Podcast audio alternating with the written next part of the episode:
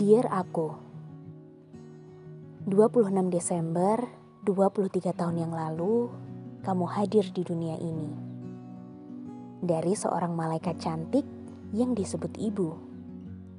Dan hari ini adalah harimu.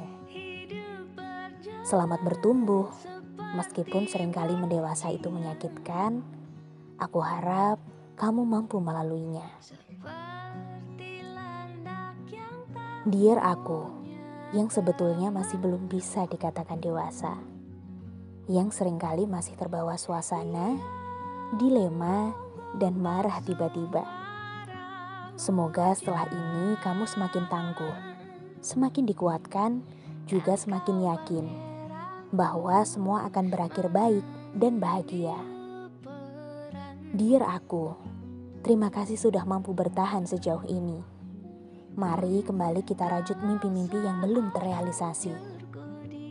Aku yakin semesta dan Sang Maha sudah mempersiapkan kado terbaik untukmu dan semuanya. Ditulis 26 Desember 2020 dengan harapan dan doa-doa terbaik untuk aku dari aku.